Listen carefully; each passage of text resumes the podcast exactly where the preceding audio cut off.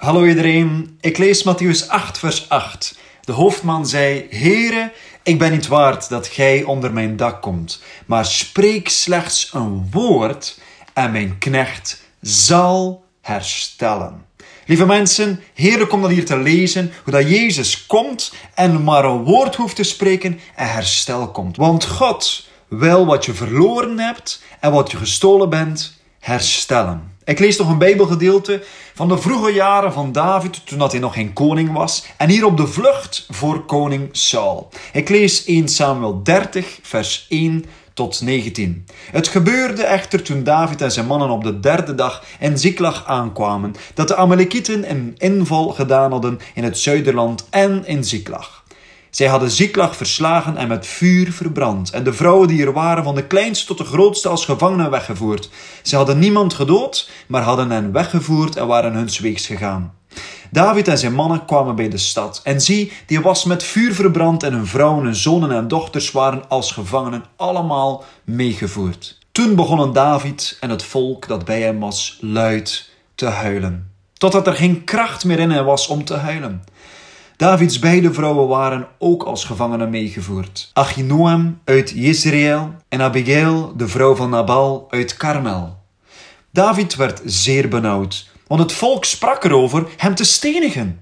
De zielen van het hele volk waren namelijk verbitterd. Ieder over zijn zonen en over zijn dochters. David echter sterkte zich in de Heere zijn God. En David zei tegen de priester Abiatar, de zoon van Achimelech, breng mij toch de efot. En Abiatar bracht de efot bij David. Toen raadpleegde David de Heer en zei, zal ik deze bende achtervolgen? Zal ik hen inhalen?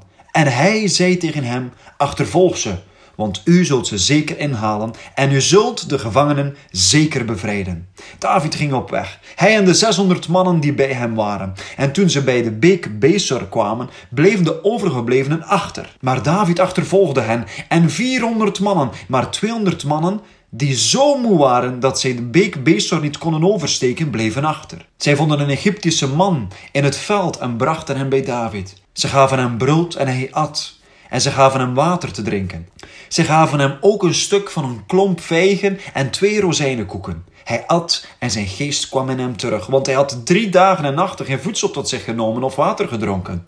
Daarna zei David tegen hem: Van wie bent u en waar komt u vandaan? En toen zei de Egyptische jongen: Ik ben de slaaf van een Amalekitische man.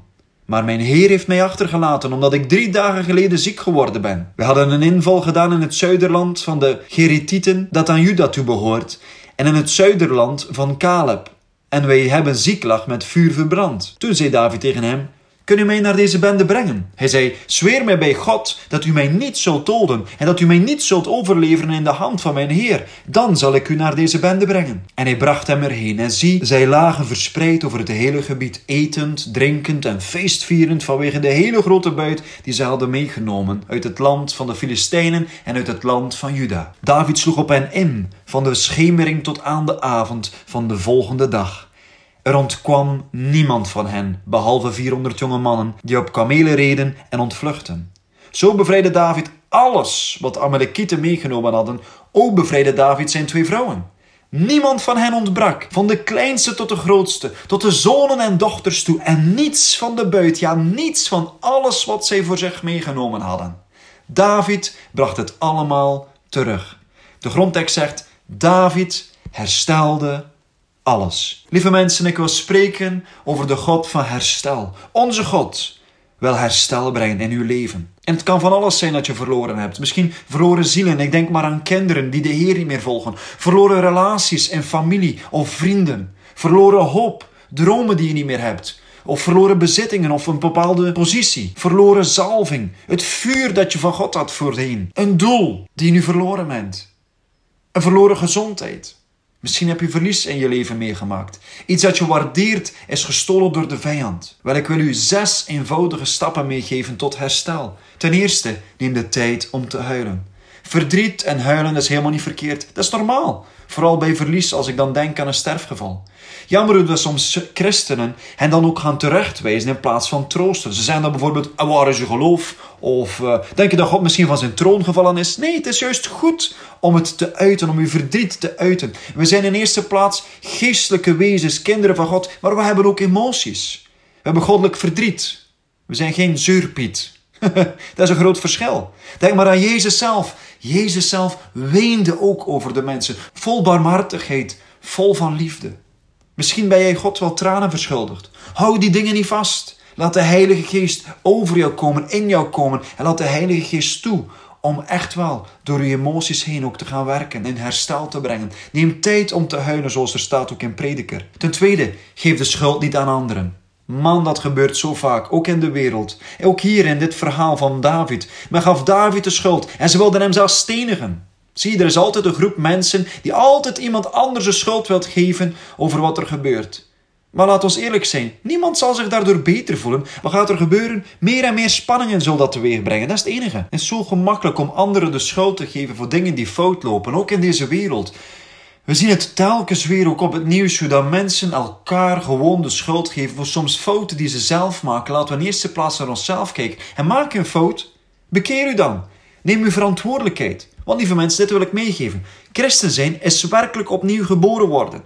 Het is niet zomaar dezelfde persoon blijven met een christelijk sausje erover. Nee, het spreekt over complete verandering. Trouwens, anderen de schuld geven, dat is een van de eerste vruchten van zonde. Denk maar aan Adam en Eva. God ging naar Adam toen hij zei, wat is er gebeurd? En hij zei, Eva, het is de vrouw die u aan mij gaf. het is dus Eva's schuld en het is ook nog eens Gods schuld.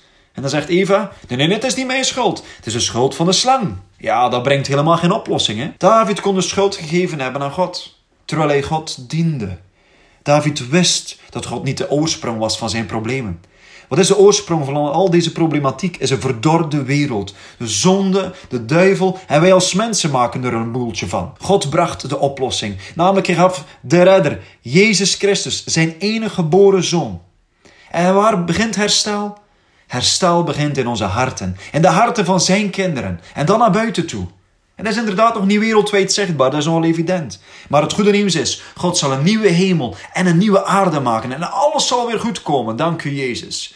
Jezus maakte duidelijk het verschil tussen de bron van het goede en de bron van het kwaad. In Johannes 10, vers 10. Hij zegt, de dief komt niet dan om te stelen en te slachten en te verdelgen. Dat is de vijand, de dief, hij is de bron van het kwaad. Maar ik, zegt Jezus, ben gekomen opdat zij leven hebben en overvloed. Ben je iets gestolen? Is er iemand gestorven? Is er iets vernietigd? Geef God niet de schuld. Dank God voor overvloedig leven en eer Hem altijd. Ten derde, sterk en bemoedig jezelf in God. Psalm 42, vers 11 tot 12. Mijn tegenstanders zeggen tegen mij: Waar is uw God? Wat buigt gij u neder, o mijn ziel? En wat zijt gij onrustig in mij? Hoop op God. De grondtekst zegt: Sterk en bemoedig jezelf, want ik zal Hem nog loven, mijn Verlosser en mijn God. Lieve mensen, we kunnen niet tegelijkertijd God de schuld geven en uzelf sterken in de Heer. Wanneer je klaar bent om met te huilen, versterk jezelf dan in God. Aanbid God. Wees hongerig en dorstig naar Hem. Breng tijd door in Zijn aanwezigheid, in Zijn woord. En herinner uzelf aan wanneer God in uw leven al eens heeft ingegrepen. Ga je misschien nu op dit moment door beangstigende omstandigheden? Want dit is de opdracht. Maak jezelf sterk in God. Ten vierde, zoek richting. David zei zelf: Here, zal ik gaan en zal ik de vijand overnemen? Zal ik hem inhalen? Wauw, dat spreekt hier over timing en actie ondernemen. Die zijn allebei even belangrijk. Hij vraagt: Here, mag ik het doen? En wanneer mag ik het doen? Niet alleen maar aan God vragen wat te doen, maar ook wanneer en ook hoe. Ik moet bijvoorbeeld denken aan heerlijke vruchten. Als je lekkere vrucht te vroeg eet, dan is dat heel bitter en smaakt dat super slecht. Sommige dingen zijn inderdaad wel Gods wil, maar de vraag is: is het wel de juiste timing? Soms is het te vroeg en als het te vroeg is, dan is het bitter en heel teleurstellend. Als God u bepaalde dingen vraagt om te doen, wees niet zoals Mozes, die ook soms te vroeg was en te snel vooruit wilde gaan. Nee, verwacht antwoord van God. Geef God de leiding. Geloof dat Hij je leiding en kracht zal geven die je nodig hebt. En wacht ook biddend op God. Haast u niet. Zoek God en verwacht dat Hij je zal helpen, ook bij het herstel. Ten vijfde, blijf anderen dienen.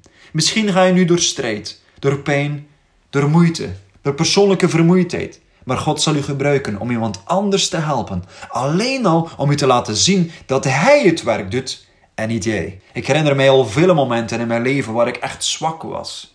En God door mij heen heeft gewerkt.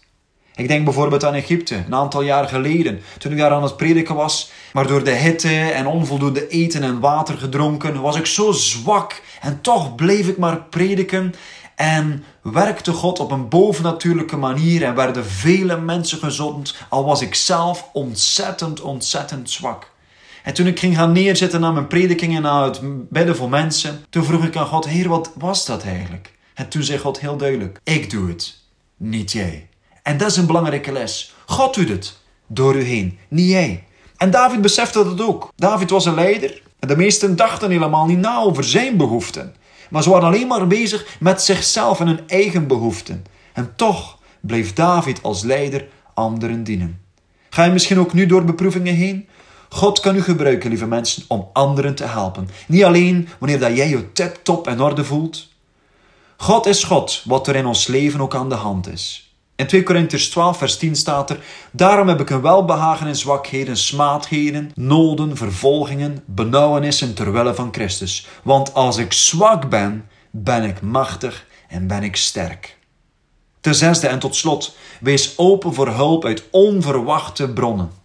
God kun je nooit in een bepaalde doos of beperkingen gaan plaatsen. God gebruikt zelfs zondaars en ook heiligen. Zoals we ook gelezen hebben daarnet in 1 Samuel 30, lazen we dat er een Egyptenaar op hun pad kwam. En de Egyptenaar, dat was een vijand.